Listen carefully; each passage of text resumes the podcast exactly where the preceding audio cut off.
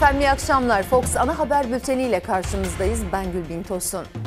Bu akşam başlığımız daha neler? Hala milletçe travmasını atlatamadığımız, dahası bölge halkının sıkıntılarını hala yaşadığı Maraş depremlerinde Kızılay çadırlarını sattığı ortaya çıkan Kerem Kınık'a daha neler diyeceğiniz yeni bir görev verildi.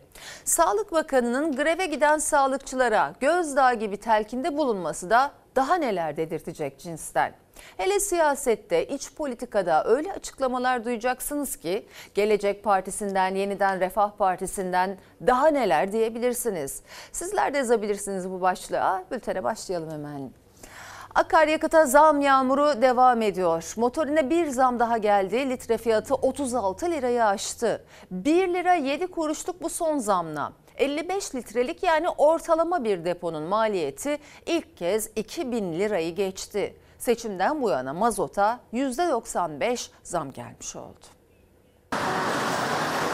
1 lira 7 kuruş geldi. Her gün her gün yükseliyor.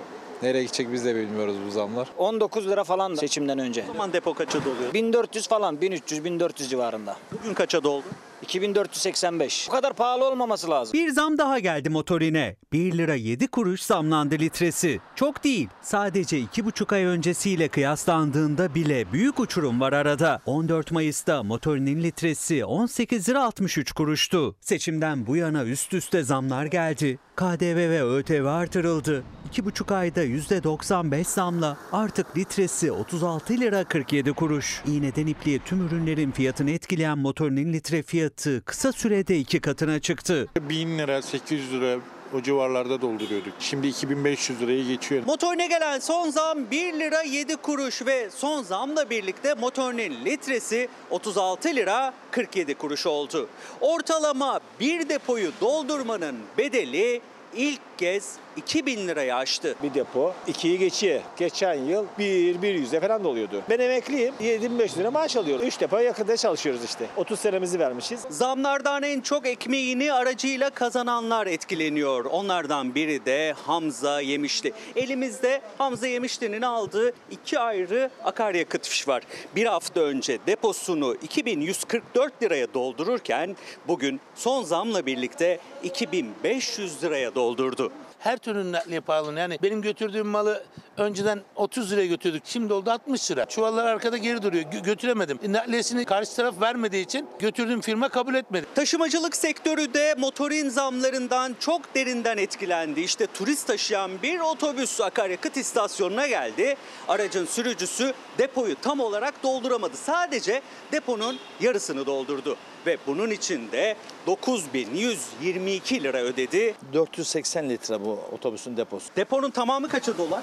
Tamamı. Şu anda vallahi hiç denemedik ama herhalde bir 18 bin liraya falan dolar galiba. Yüksek motorin zamları toplu ulaşım ücretlerine de yansıyor. Ankara'dan sonra İzmir'de de toplu ulaşıma %48, Bursa'da ise %60 zam yapıldı. İzmir'de belediyeye ait toplu ulaşım araçlarına ilk biniş ücreti 8 lira 78 kuruştan 13 liraya yükseldi. Otobüslerde kısa hat için 8 lira 15 kuruş ödeyen Bursalılar da artık 12 lira ödeyecek. Ben bundan böyle tuz taşıyorum. Bizi de etkiliyor. Şirketi de etkiliyor.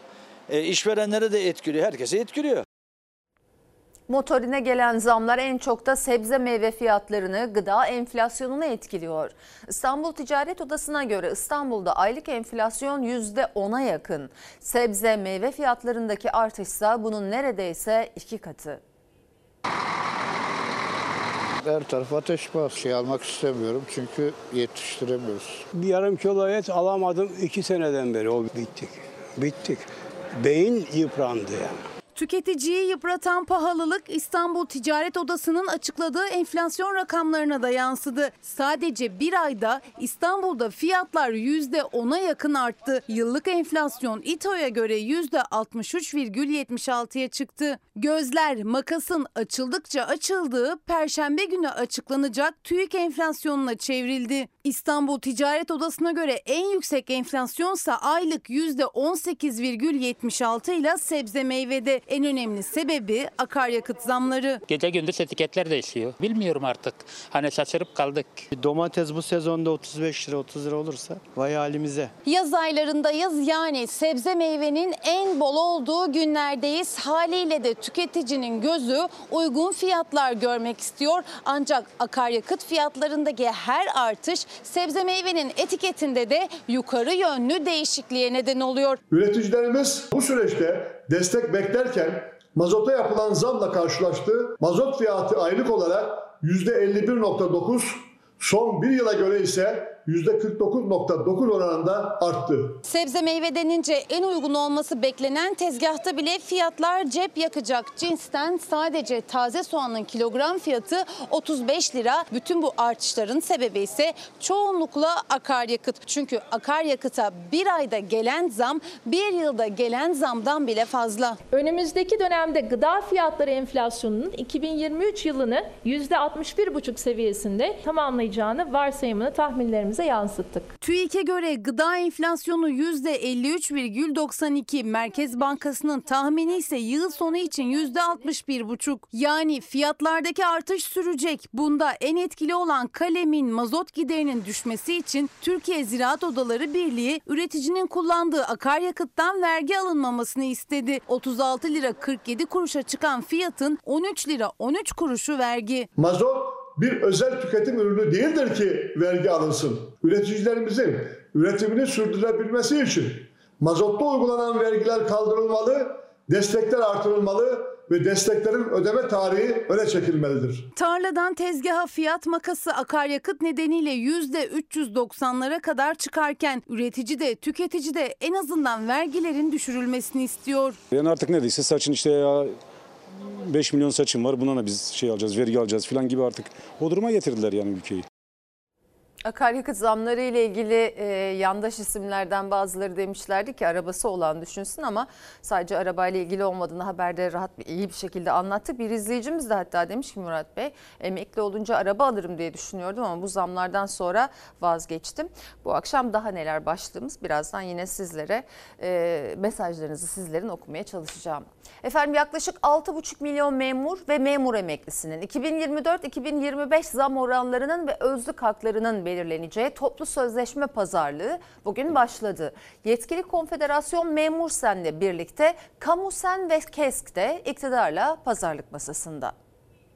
Zam zam dediler, hakkımızı yediler. Birinci yıl yüzde yetmiş, ikinci yıl yüzde kırk olmak üzere yüzde yüz on teklifle masaya gelmiş durumdayız. Enflasyonun tahribatına karşı çalışanlarımızı koruduk ve onları enflasyona ezdirmedik. Refah ücreti vermezsek çalışanlar enflasyon miktarı kadar bir artışla karşı karşıya kalırsa sıfır zam demektir. Memurun zam pazarlığında masadaki yetkili sendika Memursen 2024-2025 yılları için toplamda %110'luk zam talebiyle oturdu masaya. Çalışma Bakanı Vedat Işıkhan ilk toplantıda oran vermedi. Aynı dakikalarda bakanlık önünde memurların sesi yükseldi. En düşük kamu çalışanı maaşının 45 bin TL'ye yükseltilmesi talebini paylaşıyoruz. En düşük devlet memuru maaşını Temmuz ayında %86 oranında, 2023 yılında ise kümülatif olarak %141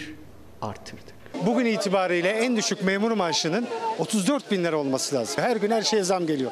Bizlerin dayanacak gücü kalmadı. Yaklaşık 6,5 milyon memur ve memur emeklisinin 2024-2025 yıllarında alacakları maaşı belirleyecek toplu sözleşme görüşmelerinin ilk toplantısı yapıldı. Masada yetkili konfederasyon iktidara yakın Memur Sen. Memur Sen 2024 yılında 3'er aylık dönemlerde olmak üzere toplamda %70 zam talep ediyor. 2025 yılındaysa 6 aylık 2 dönemde %40. Üçer aylık teklif getirmemizin ana nedeni enflasyonist ortamın memuru alım gücü zafiyetine uğratmaması. Hükümet ve yandaş konfederasyon arasında yapılacak olan danışıklı görüşmelerde kamu emekçileri adına herhangi bir kazanım çıkmasını beklemiyoruz. 2024 yılına yönelik birinci 6 ay için yüzde 40, ikinci 6 ay içinde yüzde 30'luk bir artış talep ediyoruz. 2025 yılı için ise birinci 6 aya yüzde 20, ikinci altaya %20. Zam oranları dışında memurların yüzlerce kalemde talepleri var. 1000 lira toplu iş sözleşmesi ikramiyesi, 7650 lira kira yardımı, dini bayramlarda 4850 lira bayram ikramiyesi, eş için 2000, her çocuk için 500 lira yardım, gelir vergisinin %15'e sabitlenmesi ve 8077 liralık seyyanen zammın memur emeklilerine de yansıtılması taleplerden bazıları. Tekliflerimiz Merkez Bankası'nın en son hedeflerini revize ettiği rakamları dikkate alarak değerlendirildiğinde günün şartlarına göre uygun teklifler 4 kişilik bir aile bir simit bir çay olduğu zaman en azından 25 liradır. 4 kişi olursa e, 100 lira olur. Şu anda bu lüks tüketim maddeleri kapsamına girmiştir. Memur ve memur emeklilerinin toplu sözleşme pazarlığının başladığı gün Ankara'da simitin fiyatı 10 liraya yükseldi. 4 kişilik bir aile sadece 3 öğün simit yese ayda 3600 lira yapıyor. Doğrudan ve dolaylı vergiler arasındaki dengenin gelir dağılımını dikkate alan bir anlayışla daha iyiye doğru değiştirilmesi konusunda bir genel beklenti ifade edildi. Orta vadeli programa yansıyacağını ifade etmek isterim. Çalışma Bakanı ile Memur Konfederasyonları arasındaki pazarlık sürerken Cumhurbaşkanı Yardımcısı Cevdet Yılmaz da İşçi Konfederasyonları başkanları ile bir araya geldi. Vergi dilimi düzenlemesi başta olmak üzere konfederasyonların taleplerinin orta vadeli programda dikkate alınacağını söyledi. Toplu sözleşme görüşmeleri başladığı gün sağlık çalışanları da iki günlük iş bırakma eylemine başladı. Bugün ve yarın acil servislere hariç hizmet vermeme kararı aldı sağlıkçılar. Sağlık Bakanı Fahrettin Koca ise dün mektup gönderdi sağlık çalışanlarına. O mektuba da tepki büyüktü. İnsanca yaşamak istiyoruz. Sözleşme taleplerimizi belirleyerek 1-2 Ağustos'ta ülke genelinde iş bırakma kararı aldık. Çünkü ölüyoruz, öldürülüyoruz. Ekonomik olarak açlık sınırındayız. Kendini sokak yoluyla ifade eden taleplerin yerinde bulunmayacağı kanısındayım. Hastaya hizmeti aksatan tutumlar sağlık çalışanlarının itibarını zedeler. Biz eylem meraklısı değiliz Sayın Bakan. Artık bıçak kemikte diyoruz, bıçak kemikte. Bıçak kemikte!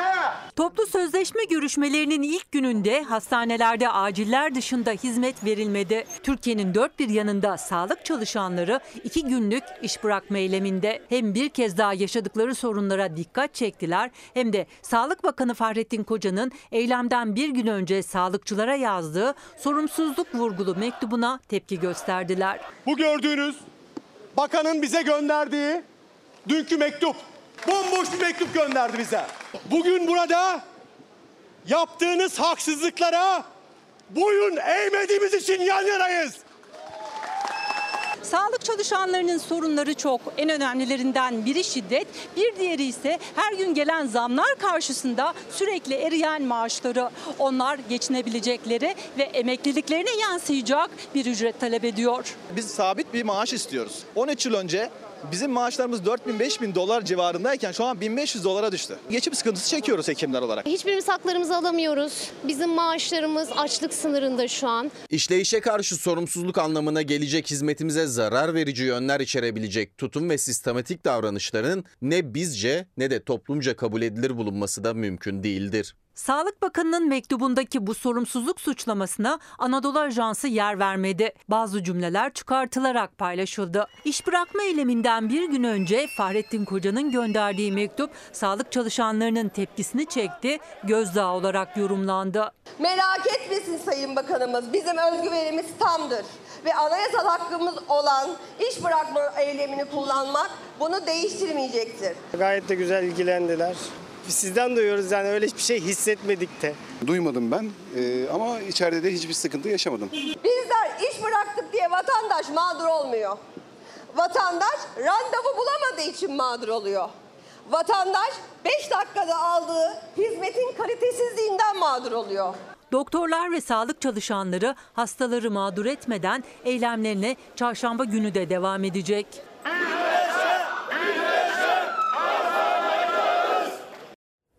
Fahrettin Koca bu kadar sert karmaşık konuşmazdı. Anadolu Ajansı bile sansür ihtiyacı hissetmiş. Ne demişti? Dönemsel haleti ruhiyemizin sorun çözme amacı yerine başka amaçlar güttüğünden pek emin olamayacağımız taraflarca. Fırsat bilinmesine izin vermemeliyiz. Bu koskoca cümleye baya bir efor verilmiş anlaşılan. Dönemsel haleti ruhiyemizi diyor. Pek de emin olamayacağımız taraflar kullanır diyor. Cümle dediğim gibi karışık. Neden dönemsel? bir defa ve bazı taraflar kim bunu açıklamak gerekirdi. Ama ne yapılmaya çalışıldığı belli gözdağı vermek. İtibarı zedeler dediği grev ve o da anayasal hak. Vaatleri ne peki Fahrettin Koca'nın? Polis e, karakolla irtibat ve güvenlik görevlisi sayısı da yakında artırılacak diyor. Ama yakında diyor. Ne kadar yakında o da belli değil. Çünkü her hastaneye X-ray cihazı da bir vaatti çünkü ama gerçekleşmedi. Ve aslında zaten doktorların beklediği, öncelikli istediği bakanından hastasına biraz daha saygı yani zihniyet değişikliği. Sayın seyirciler, Cumhur İttifakı cephesinde hem yerel seçim sürecine ilişkin önemli açıklamalar var hem de geride bıraktığımız Mayıs seçimine ilişkin.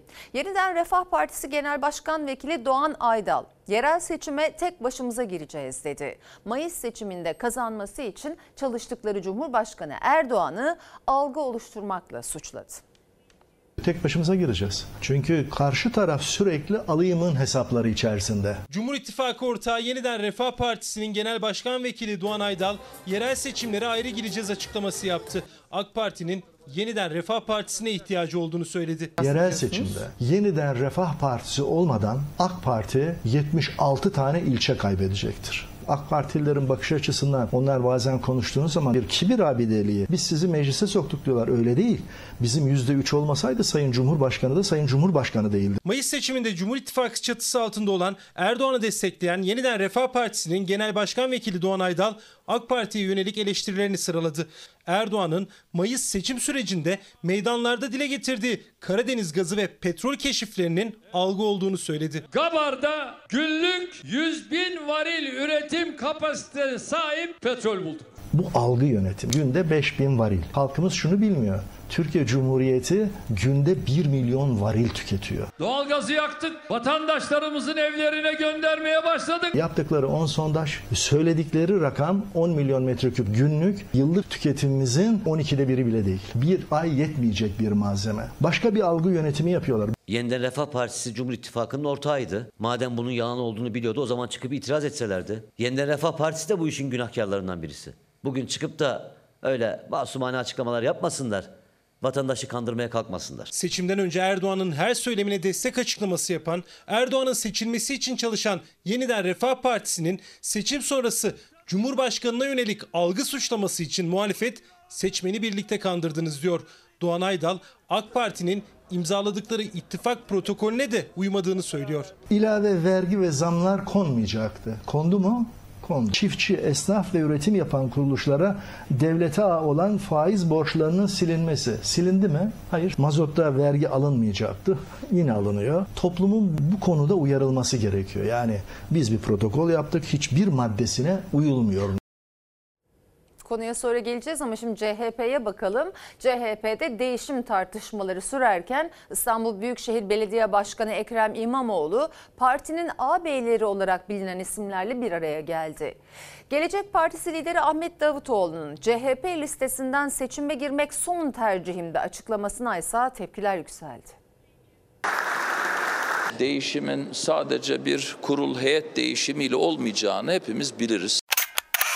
Partimizin durumunu konuştuk. Bu arada belediye seçimlerini konuştuk. Siz ne diyorsunuz türü bir sohbetimiz olmadı. CHP'de değişimi dillendiren ama yol haritasını henüz kamuoyuyla paylaşmayan İstanbul Büyükşehir Belediye Başkanı Ekrem İmamoğlu, eski CHP Genel Başkanları Hikmet Çetin Altan Öğmen ve eski SP Genel Başkanı Murat Karayalçın'la bir araya geldi. Karayalçın, partinin durumunu konuştuk demekle yetindi. Genel merkezden de açıklama var. İstanbul Büyükşehir Belediye Başkanı'nın önceki dönem genel başkanlarımızla bir araya gelip istişarelerde bulunmasında da olağan dışı hiçbir durum yoktur. Toplum CHP'de lider ve yönetimin değişmesini, bu değişimin hem kuşak hem vizyon ekseninde olmasını istiyor. Değişim ve yeniliği kucaklayan yeni bir parti yapısı görmek istiyor. İmamoğlu 5 gün önce sosyal medya hesabından 6 maddelik bir açıklama yaptı. Genel başkanla birlikte tüzükten yönetim anlayışına partide köklü bir değişikliğin gerekliliğini vurguladı. Bizim partimizde herkesin tüm parti mensuplarının görüşlerini ifade etme hakkı vardır. Tüzüğümüzü ve parti programımızı da yenileyecek, kurultayımızı toplayacağız. Taptaze bir güçle milletimizin huzuruna çıkacağız. Seçim yenilgisi almadan genel başkanlığı bırakmış birisiyim. Birleşmenin sağlanması için. Murat Karayalçı'nın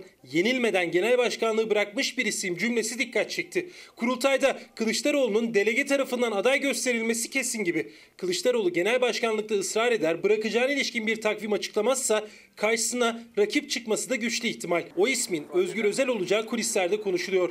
İmamoğlu'nun genel başkanlık hamlesi dışında Özel'in genel başkanlığını desteklemesi, kazanması halinde ise İstanbul Büyükşehir Belediye adayı olarak yerel seçimlere girmesi seçenekler arasında. Herkes bilir ki en son tercihim Cumhuriyet Halk Partisi listelerinden girmekti. Açık söyleyeyim. En son tercihim. Üç parti gelin birlikte girelim dedim. İyi Parti'ye teklif götürdüm. Bu sağ seçmen CHP'ye oy vermez. Beraber olalım dedim. Girmeseymiş. Kimse Sayın Davutoğlu'nu zorla getirip CHP listelerinden aday yapmadı. Kafalarına silah dayayıp da gelin buradan aday olun demedik. Keşke böyle pişmanlık yaşamasaymış Sayın Davutoğlu. Keşke ayrı listeden girseymiş. Herkes de oy oranını görseymiş. Keşke o üçlü şey yapabilseydik. Benim elimde değildi ama Cumhuriyet Halk Partisi listelerine girmek zorunda kalmasaydık. Seçimler gelecek yine. Tek başlarına girsinler boylarının ölçüsünü alsınlar. CHP listesinden seçime giren ve 10 milletvekili çıkaran Gelecek Partisi'nin Genel Başkanı Ahmet Davutoğlu'nun açıklamaları CHP'de tepkiyle karşılandı. CHP listesinden seçime girmelerinin oy kaybına neden olduğunu söyledi Davutoğlu. Büyük fedakarlık yaptığını. Ben siyasi, toplumsal bakımdan en büyük fedakarlığı yaptım. 10 milletvekiliyle ölçülmeyecek bir fedakarlıktır bu. Burada herkes şahit ki en çok fedakarlığı Sayın Davutoğlu değil Cumhuriyet Halk Partisi yapmıştır. Fedakarlık aranıyorsa listelere bakmak mümkün. Şimdiye kadar Millet İttifakı içinden yapılan açıklamalar gösteriyor ki tek suçlu varmış. Herkes fedakarlık yapmış, istemeden katılmış, sonucu biliyormuş vesaire. Tek suçlu Kılıçdaroğlu'ymuş o zaman. Söylemlerden çıkan sonuç bu. Enteresan gerçekten. Davutoğlu'na madem öyleydi tek başınıza girseydiniz kendi listenizle kendi logonuzla derler. E demişler de tabii. Yeniden Refah Partisi öyle yaptı mesela. Onlar 5 vekil çıkardı. Gelecek ve Saadet Partileri ise o sayede mecliste grup kurdular. Olanı söylüyorum sadece. Gelelim Cumhur İttifakı'na. Doğan Aydal, Fatih Erbakan adına, parti adına konuşuyor elbette. Halkımız şunu bilmiyor demiş. Doğalgaz ve petrol üzerinden gerçek rakamları verip halkı kandırdılar diyor. Diyor da şimdi mi söylenir bu? İttifaka katılıp baraj sorununu aşıp seçim bittikten sonra söylemeyi tercih ediyorlar. Bakalım sizler neler diyorsunuz daha neler etiketine. Ee, bir izleyicimiz Murat Bey daha neler demem ben bu ülkede artık hiçbir şey demiş. Bir izleyicimiz de motorin zamları taşıma giderlerini direkt etkiliyorsa TÜİK'in sepetinde yeri ne kadar acaba? TÜİK sepetini bilmiyoruz uzun süredir biliyorsunuz devam ederiz yine.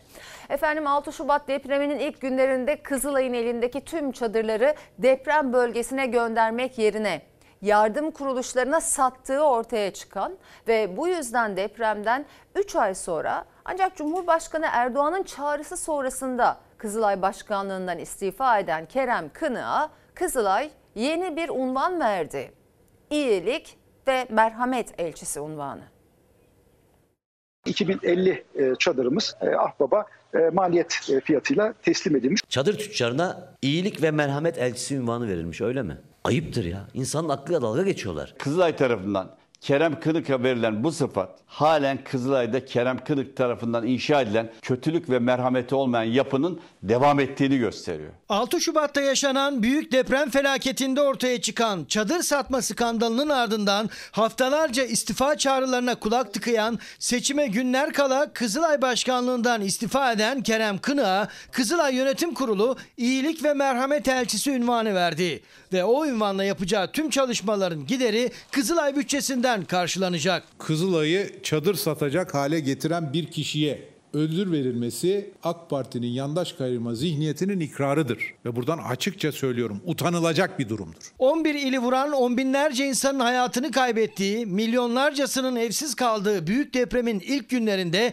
deprem bölgesine gönderilmesi gereken çadırları yardım kuruluşlarına sattığı ortaya çıktı Kerem Kın'ın. Kızılay'a bağlı 12 şirketin yönetim kurulu başkanı sıfatıyla da huzur hakkı adı altında toplamda 36 asgari ücret aldı. Orası rant alanı, rantın bölüştüğü alan değildir orası. Bu konu tabii beni de ciddi manada üzmüştür. Kızılay böyle bir çadır satma fiiline işine giremez. Muhalefetin aylar süren istifa çağrılarına karşı kurumun başında kalan Kerem Kınık 14 Mayıs seçimlerine birkaç gün kala Cumhurbaşkanı Erdoğan'ın açıklaması sonrası Kızılay Başkanlığından istifa etti. Aradan 3 ay geçti. Kınık bu kez de Kızılay'a iyilik ve merhamet elçisi olarak dönüş yaptı. Sosyal medya hesabında da iyi niyet elçisi yazıyor artık. Çok merhametli adamdır Kerem Kınık. Deprem zamanı Ahbaba 46 milyon liraya çadır sattı. Bu adam ki döneminde 78 bin kurban parası topladı.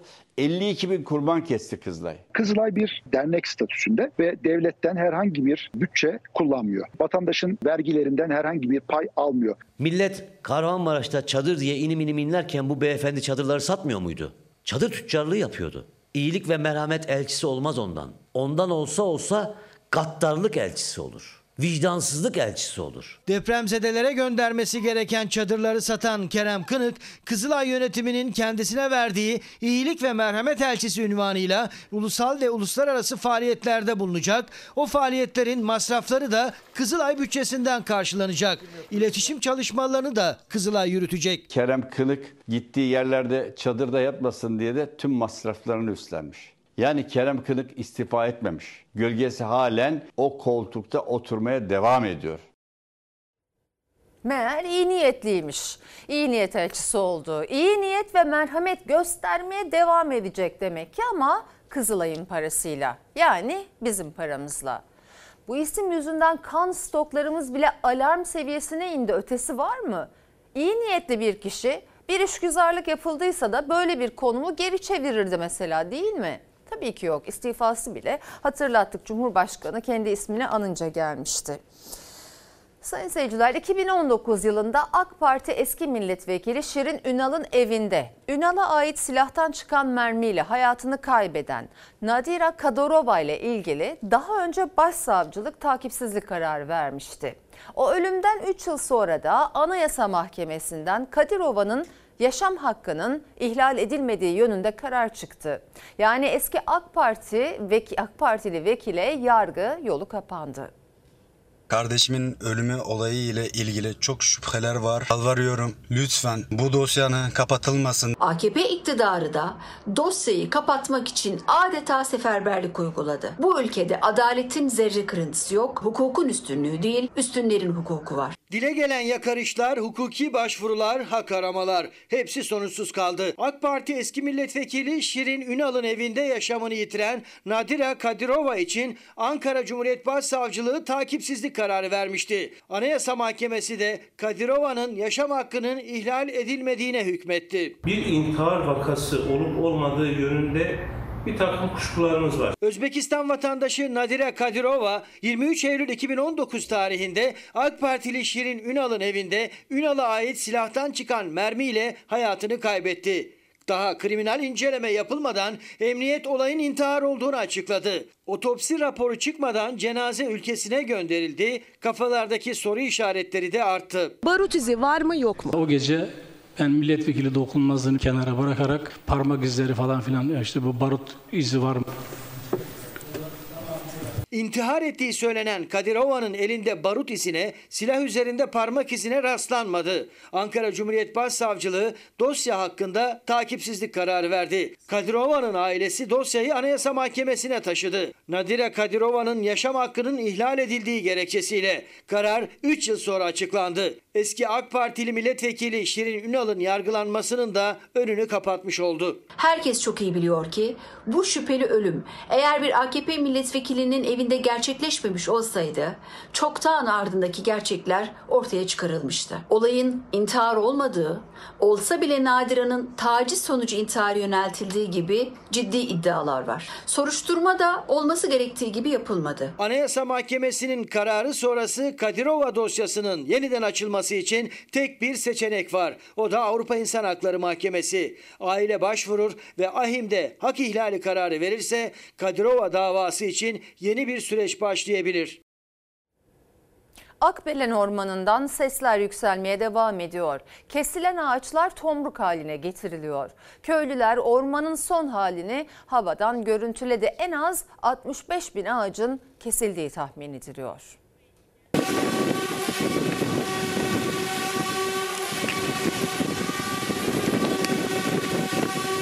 Gördüğünüz gibi Akbelen'de artık ağaç kalmamış. Kesim sonrası ilk kez havadan görüntülendi kahreden manzara. Maden sahasının genişleyeceği 78 hektar alanda binlerce ağacın kesilmesini jandarma barikatını aşarak görüntüleyemeyen İkizköylüler havadan kaydetti acı görüntüyü. Kesim bitti ama testere sesleri dinmiyor. Akbelen ormanında kesilen ağaçların tomruk yapılmasına geçildi. Hala solmamış yeşil dallarsa kepçelerle temizleniyor. Yasada şöyle geçiyor. Diyor ki kestiğiniz iki katı alanda yine fidan dikimi gerçekleştireceksiniz diyor. İki katı dediğine göre 65 bin adet ağacın kesildiği anlaşılmaktadır.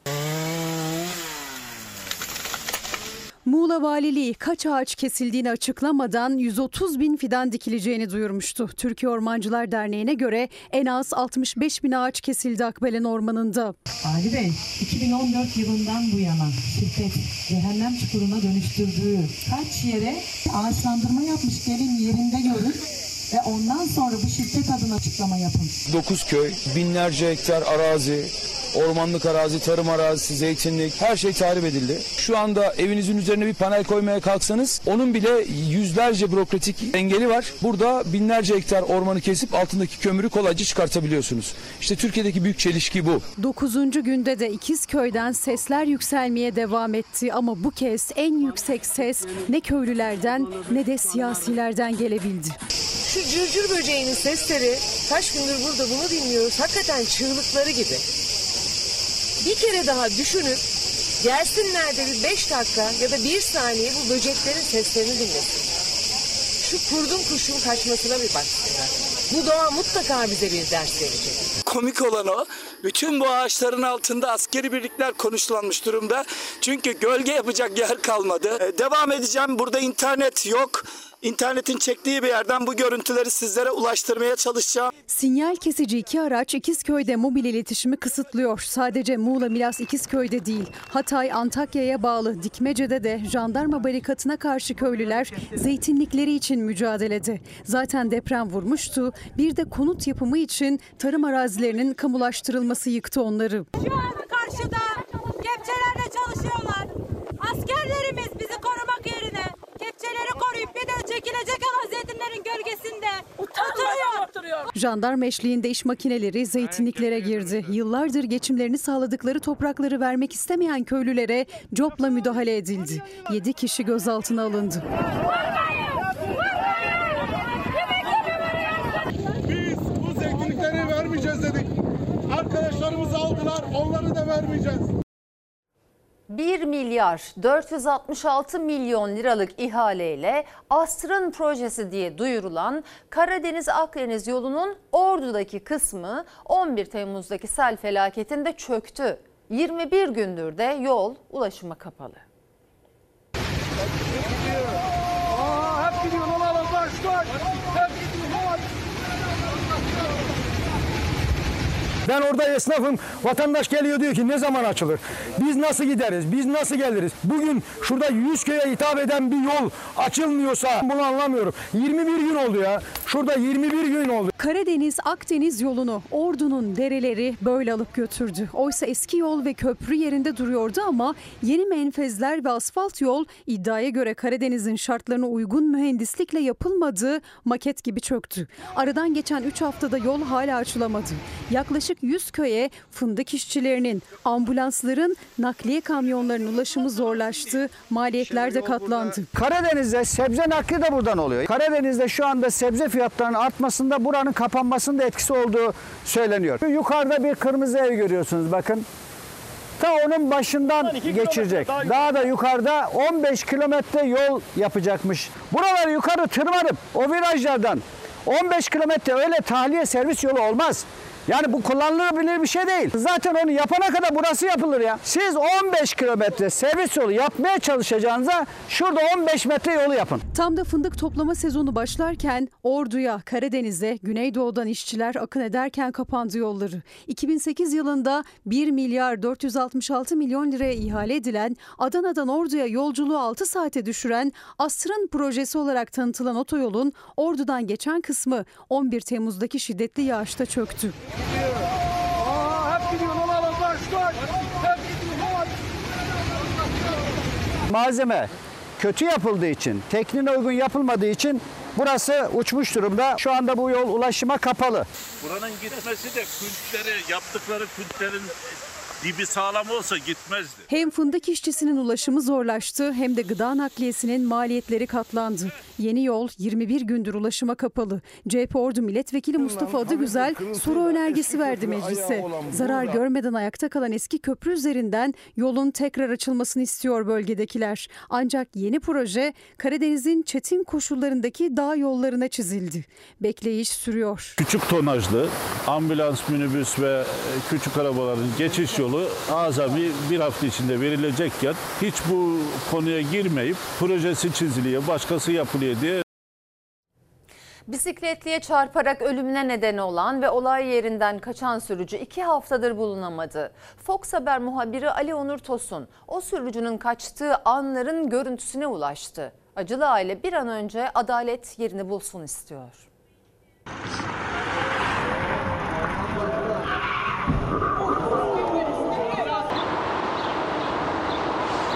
Bisikletliye çarparak ölümüne neden olan o sürücünün kaçtığı anlara Fox Haber ulaştı. İşte kazanın hemen sonrası. Aracı bıraktığı gibi diğer bisikletlilerin tepkisine aldırmadan koşup kaçıyor Temel Ünlü. Bu görüntülerden sonra da izini kaybettirdi. İki çocuk babası Doğanay Güzel Günü hayattan koparan sürücü iki haftadır bulunamadı. Bir an önce yakalansın istiyorum. Çünkü yakalayabildiklerini yakalıyorlar. Lütfen bunu da yakalasınlar. Yakın zamanda biliyorsunuz bir olay yaşandı ve hemen bütün şebeke ele geçirildi. İki hafta geçmiş benim eşimin katili bulunamıyor. Bir tekel bayini basan şahıslar vardı. İki kişiyi onlarla katlettiler ve iki günde bulundu. Demek ki istenirse bulunabiliyor. Alkol var, uyuşturucu var, hız var, polis kontrolünden kaçış var. Ara, aradığın her türlü kötülük var. 18 Temmuz sabah 5.30'da bisikletlilerin yolları en güvenli bulduğu saatte yaklaşık 50 bisikletli İstanbul Bostancı sahilinde tur için buluştu. O anlarda polis kontrolünden kaçan sürücü hızla 51 yaşındaki Doğanay Güzelgün'e çarptı. Bisikletli Güzelgün yaşamını yitirirken sürücü arkasına bile bakmadan uzaklaştı. Aracından uyuşturucu madde çıktı.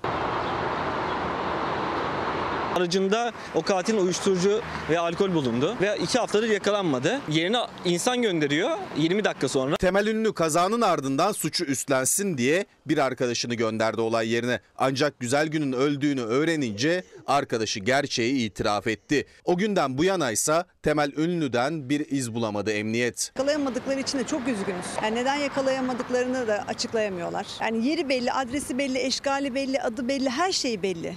Ama bir türlü yakalanamadı. Doğanay'dan sonra ben bisiklet süremez oldum. Birisi gelir bizi çiğner mi? Doğanay Güzelgün'ü hayattan koparan sürücü yakalanmadığı gibi bisikletlerin yaşadıkları sorunlar da son bulmuş değil. Onlar çözüm beklerken kazanın olduğu yerde büyük acı unutulmasın diye Doğanay Güzelgün'ün anıtı dikilecek. Doğanay için bir anıt yapılmasına karar verilmiş. Çok severdi. Kürsülere çıktığı zaman çok mutlu olurdu. Madalya aldığı zaman çok mutlu olurdu. Yani adının bilinmesi onu mutlu ederdi. Ha, bu şekilde değil tabii. Adalet çok önemli bir kavramdır. O yüzden bizim için o katilin yakalanması çok önemli.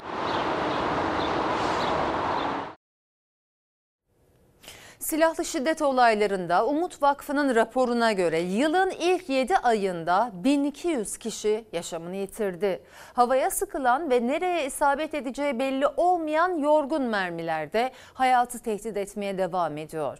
6 yaşındaki bir kız çocuğu ve bir başka ilde çay bahçesinde oturan adam yorgun mermiyle yaralandığı ölümden döndü.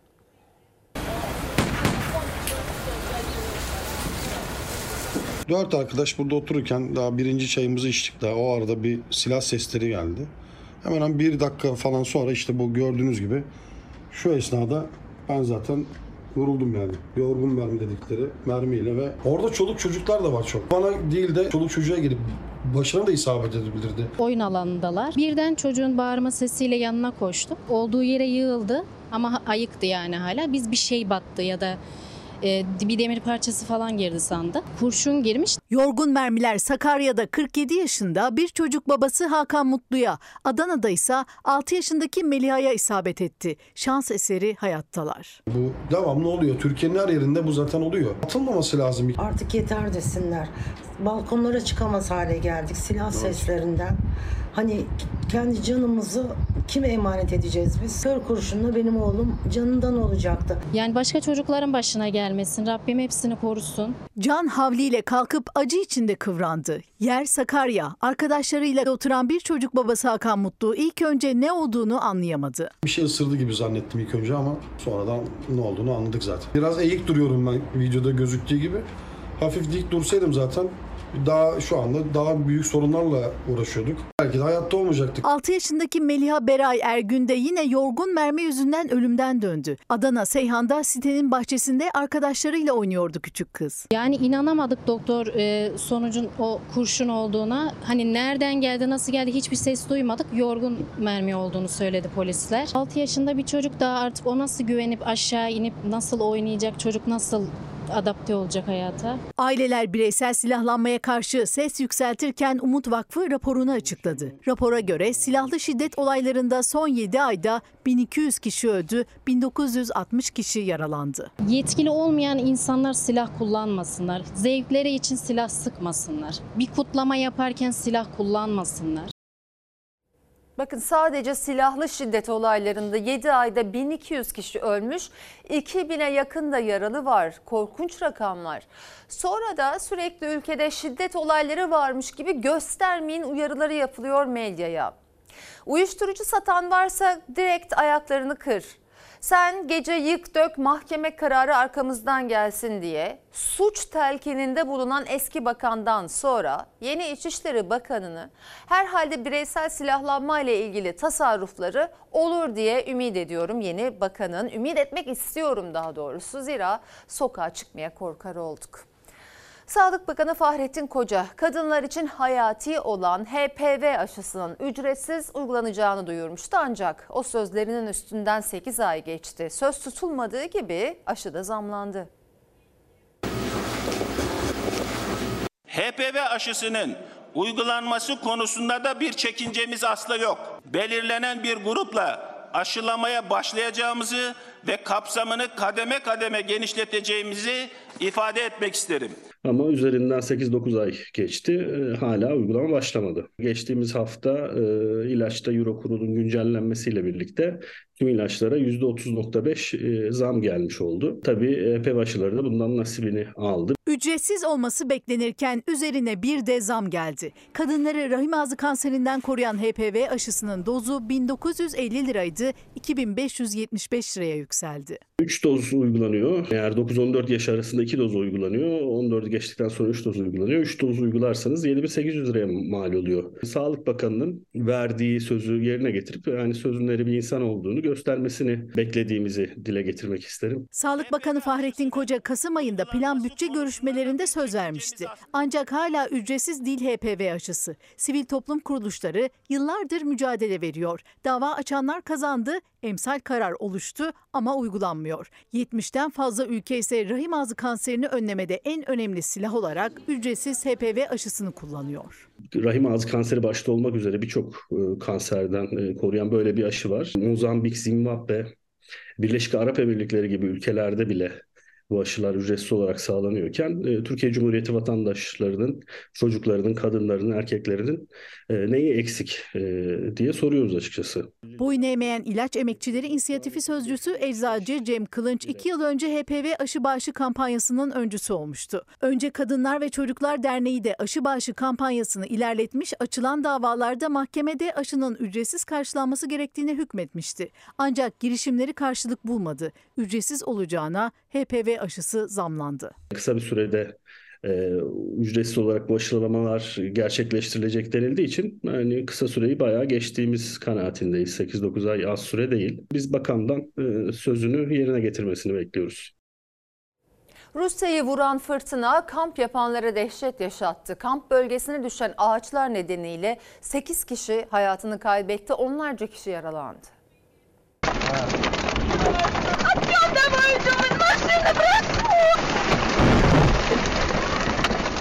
Kamp yapmaya gittikleri gölde fırtınaya yakalandılar. Ağaçlar kamp alanındaki ev ve çadırların üzerine devrildi. 8 kişi hayatını kaybetti.